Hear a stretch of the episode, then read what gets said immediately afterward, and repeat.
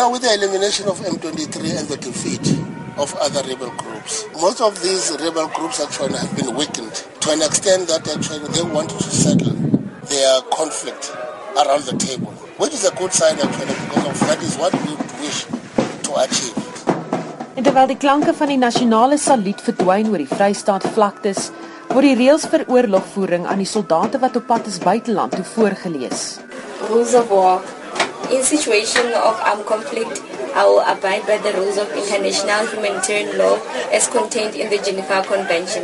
Selepi sê dit is belangrik dat soldate gehoor gee aan die reëls en regulasies om te oorleef in die gevaarlike toestande in die buiteland. Until today, we haven't lost even a soul over a period of more than a year. And the reason being that actually, you know, unlike before, our members are getting trained prior to reporting to the mission area. Die skietstilstand tussen die FDLR en die regering van die DRK verstryk die 2de Januarie. Die verteenwoordiger van MONUSCO in die DRK, Martin Kabler sê, verlede jaar die tyd was die Vredesmag in 'n stryd teen die M23 rebelle in Goma betrokke. Die Suid-Afrikaanse Rooi Valk aanvalshelikopter het 'n groot rol te speel gehad in die aanval teen die M23.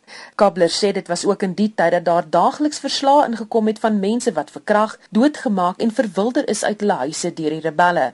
Verlede Augustus is 66000 mense geforseer om te vlug vir hulle lewens nadat die Allied Democratic Forces hulle aangeval het.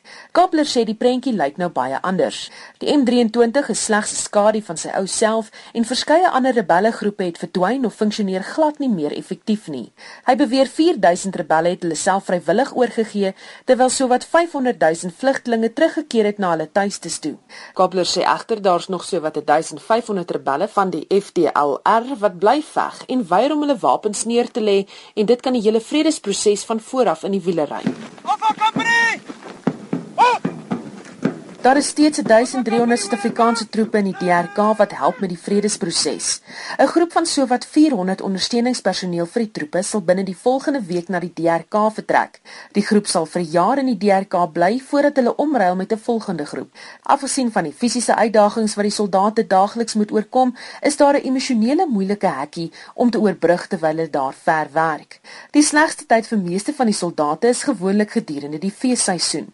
Terwyl meeste mense by hulle families deurbring se die mense ver van kind of kraai af besig om iemand anders se oorlog te veg.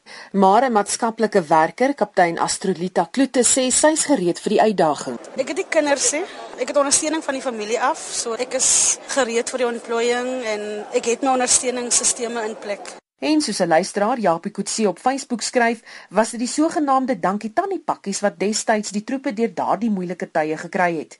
Kutse sê hy het nou nog sy Swiss Army mes wat hy in 'n pakkie gekry het. 'n Soortgelyke projek is nou op die been gebring om soldate op die grens en in die buiteland te ondersteun. Die Dankie Tannie sakkie is nou baie groter en selfs die families word bygestaan terwyl hulle geliefde ver is. Angel Rampele, voorsitter van die Leerstigting Raad sê, hierdie projek het 'n lang aanloop. It was started actually by certain majors uh, some 14 years ago. The idea then was to really get a small token to say to members who are deployed, thank you for the job well done and Merry Christmas. So terwyl jy die jaar die feesseisoen saam met jou familie deurbring, dink aan die wat die grense beskerm, stroopers agtervolg en in buurlande help om vrede te bewerkstellig. Ek is Susan Paxton in die brug, Bloemfontein.